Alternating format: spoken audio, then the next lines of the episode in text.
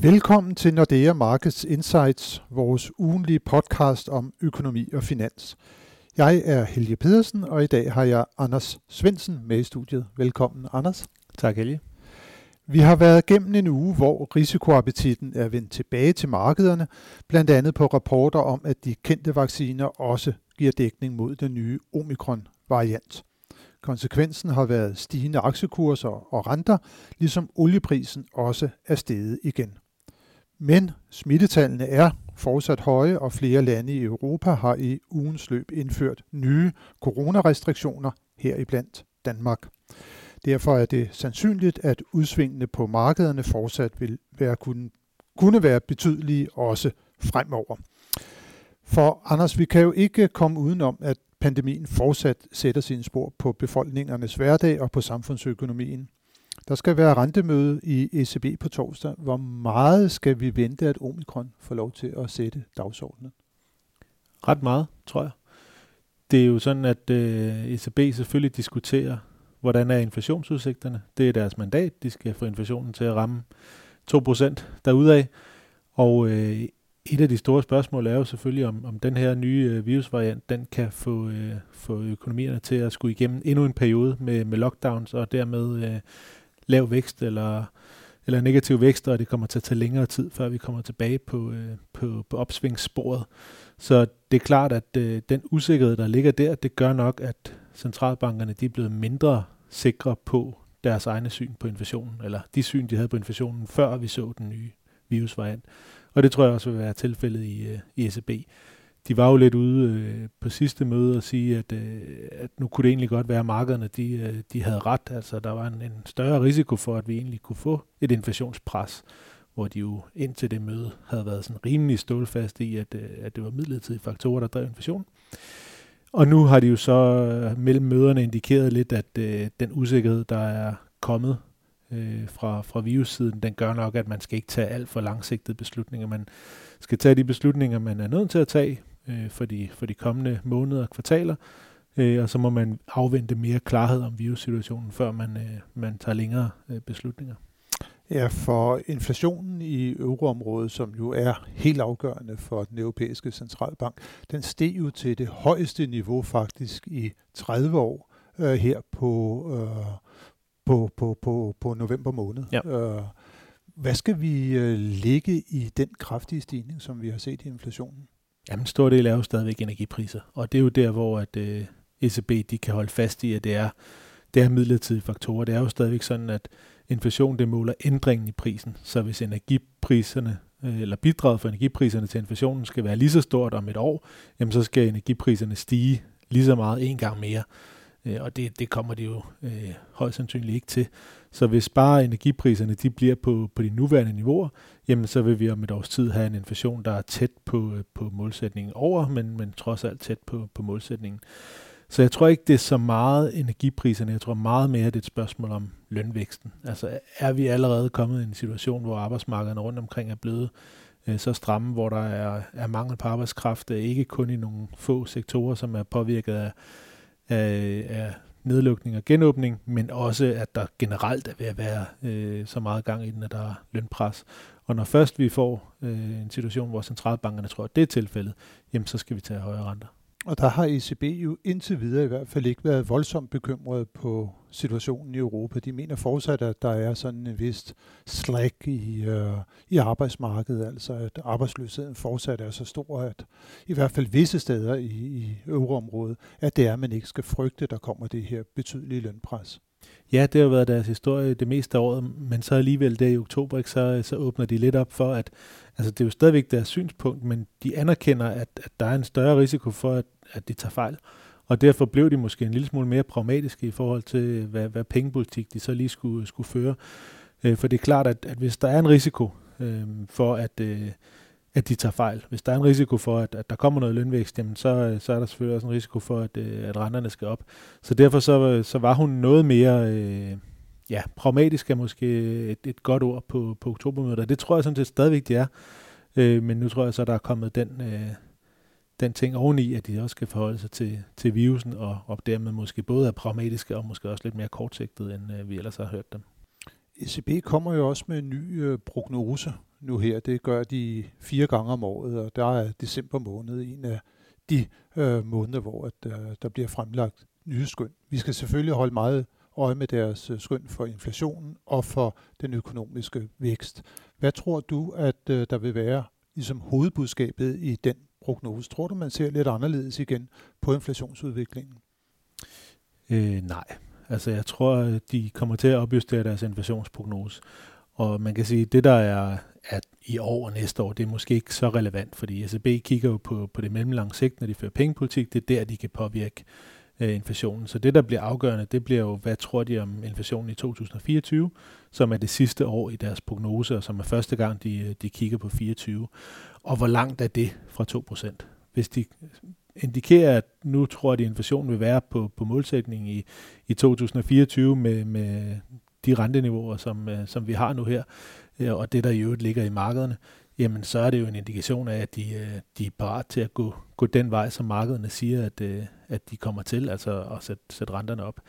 Men så hvis vi stadigvæk ser en, øh, en inflationsprognose, som, som jeg tror, vi kommer til at se, der ligger en lille smule under 2%, så vil de stadigvæk godt kunne argumentere for, at der skal altså stadigvæk noget støtte til, for at vi lige er helt sikre på, at vi kommer tilbage til den her inflationsprognose.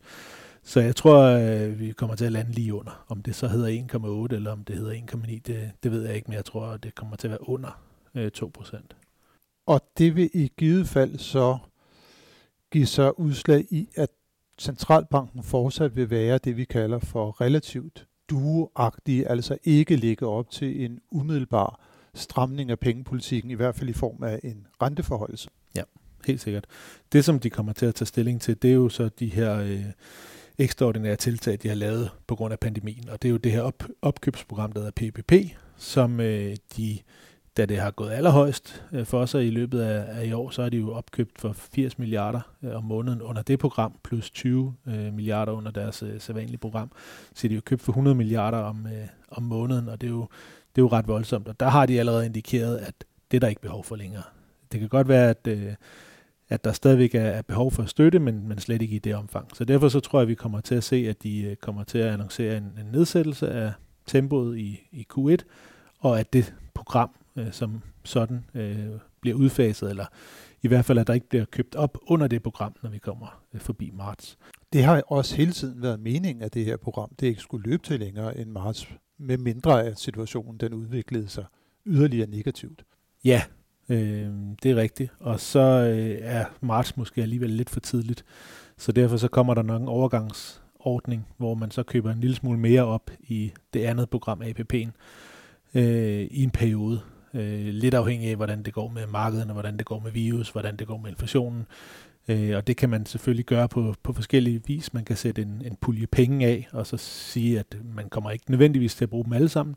Eller man kan bare forhøje det, det andet program med for eksempel 20 milliarder om måneden, eller 30 milliarder om, om måneden i et halvt år, eller noget af den stil. Så det er jo nok de to, øh, to ting, som, som de skal diskutere. Og så en anden interessant ting i forhold til det, som du lige nævnte der med, at det hele tiden har været planlagt, at det program det skulle forsvinde, og det kommer det jo så alligevel ikke til.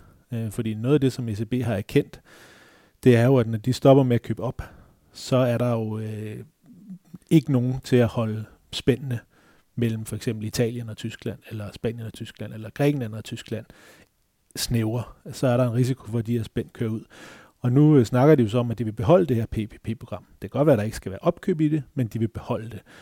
Og øh, kunne bruge det mere fleksibelt. Så det vil sige, når der øh, er nogle af de obligationer, de allerede har købt, der udløber, jamen så kan de vælge at købe kun italiensk, eller kun græsk, eller hvad der nu ellers måtte være behov for, for at holde øh, samling på, øh, på tropperne inden for, for øvreområdet. Så jeg tror, der kommer til at være en faktisk en, en ikke en forlængelse, men, men programmet kommer til at købe videre, køre videre, selvom der ikke vil være opkøb under det.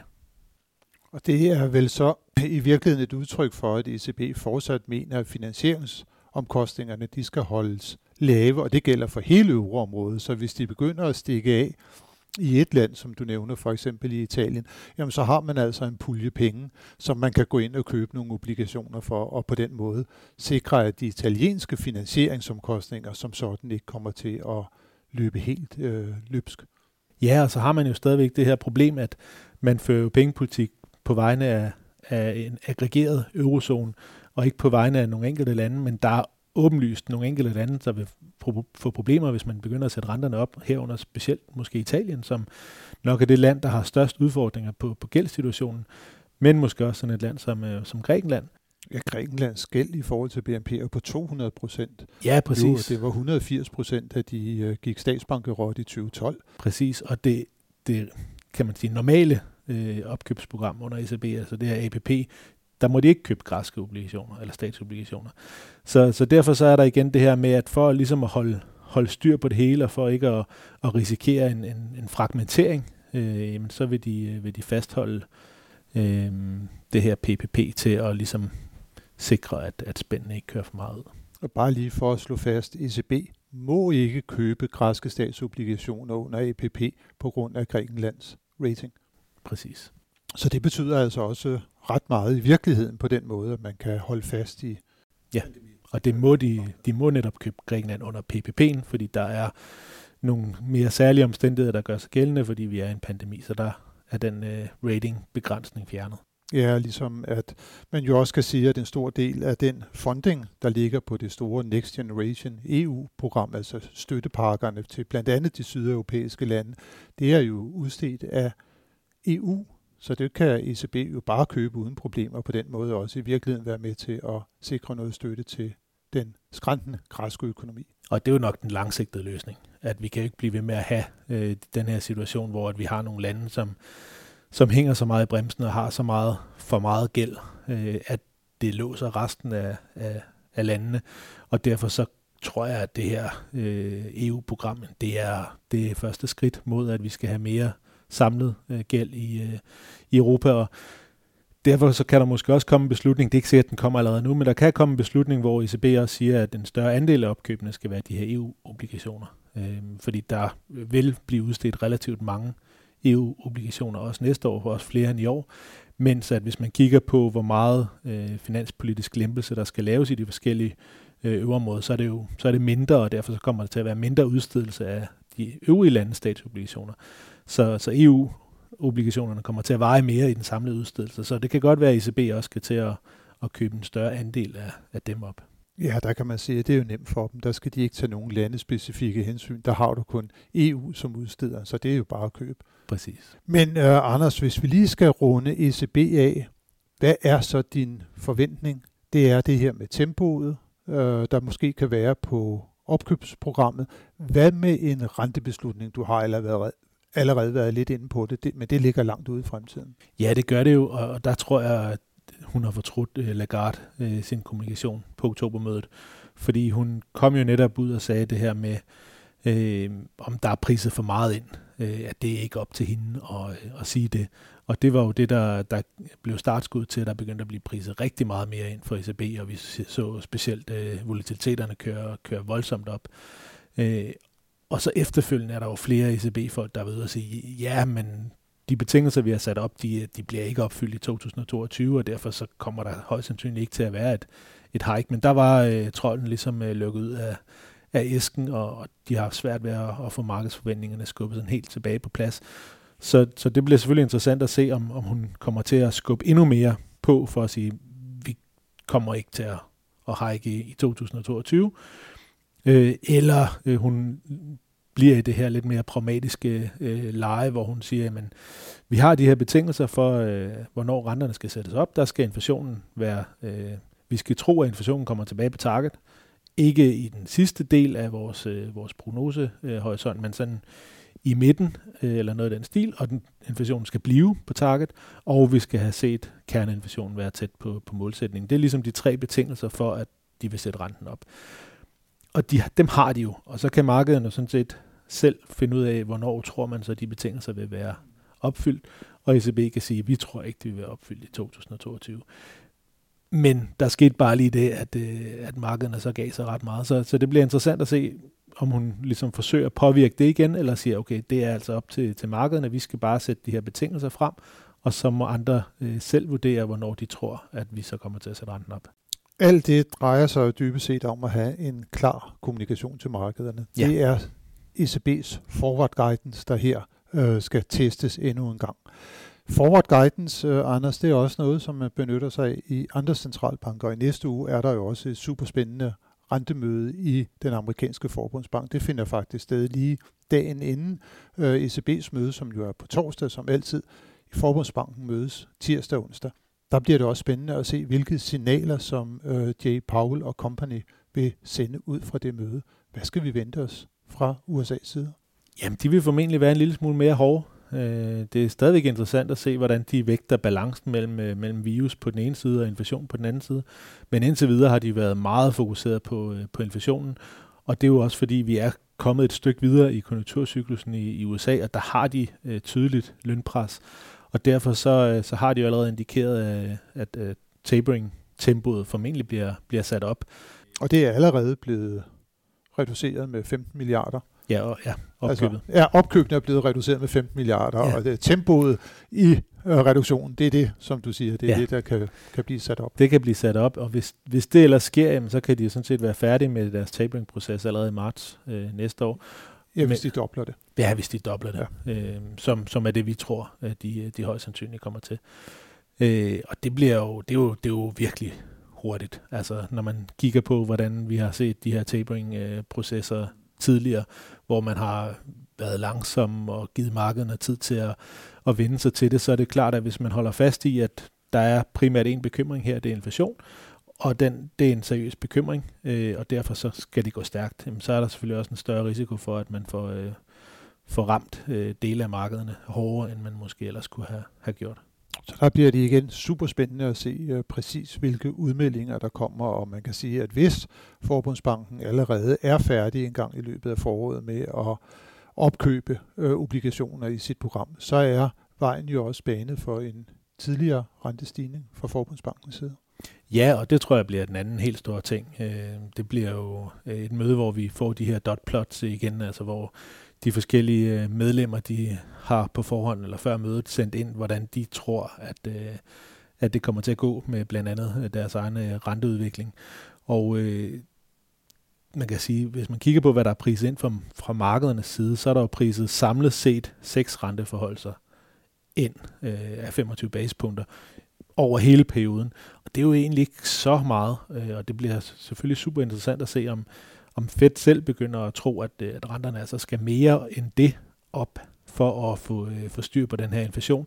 Eller de måske også lidt ligesom øh, de europæiske øh, forbundsfælder begynder at sige, okay, der er stadigvæk noget virus, øh, måske skal vi også lige passe på ikke at gå alt for hurtigt øh, frem i forhold til at få, få strammet op. Og det bliver noget, som vi er klogere på øh, på onsdag aften. Vi skal lige her til allersidst også kigge videre frem mod øh, næste uges øh, vigtigste nøgletal, og det er jo en øh, stor centralbankuge, må vi sige. Vi har nævnt ECB, vi har nævnt Fed, og så er der jo faktisk også rentemøder både i Bank of England og i Norges Bank, og begge de møder, de finder også sted på torsdag. Og der kan jeg lige her nævne, at det er, at vi har i hvert fald en klar forventning om, at Norges Bank kommer til at sætte renten op med yderligere et kvart procentpoint, mens det er lidt mere usikkert, Anders, øh, om Bank of England de kommer til at rykke på renten. Ja, jeg kiggede lige på, på konsensusforventningerne omkring en tredjedel af de adspurgte, de, de troede på en renteforholdelse. Øh, knap en tredjedel måske. Øh, så det, det er helt klart. Og, og det vil jo også lægge lidt, øh, lidt pres på ECB og, øh, og måske også de skandinaviske centralbanker, at, at Bank of England, hvis de ellers bliver ved med at være så aggressive i deres, øh, i deres øh, renteforhold, fordi det er jo også en indikation af, at det måske er den vej, som, øh, som de andre når til på et, øh, på et tidspunkt. Så det bliver i hvert fald også spændende at følge med i, og derudover så er der jo også nogle af de normalt vigtigste nøgletal til at følge udviklingen i den europæiske økonomi, nemlig PMI, tallene, som også bliver offentliggjort på torsdag. Det er tidligere, end det plejer at blive det, men det er jo fordi, at det snart er jul. Og øh, der skal det mest spændende jo blive at se, om det er sådan så, at øh, de her nye udbrud, både af Delta og Omikron-varianten, om de får lagt en dæmper på tempoet i den europæiske økonomi. Men under alle omstændigheder en virkelig springfyldt øh, uge med øh, spændende nøgletal og centralbankmøder. Og selvfølgelig også skal vi følge løbende med i, hvordan det går med pandemien. Tak for nu, øh, Anders, for at være med i ugens podcast, og stor tak til alle jer, som har lyttet med. Det håber vi, at I også vil gøre, når vi er tilbage med nyt fra de finansielle markeder igen i næste uge. thank you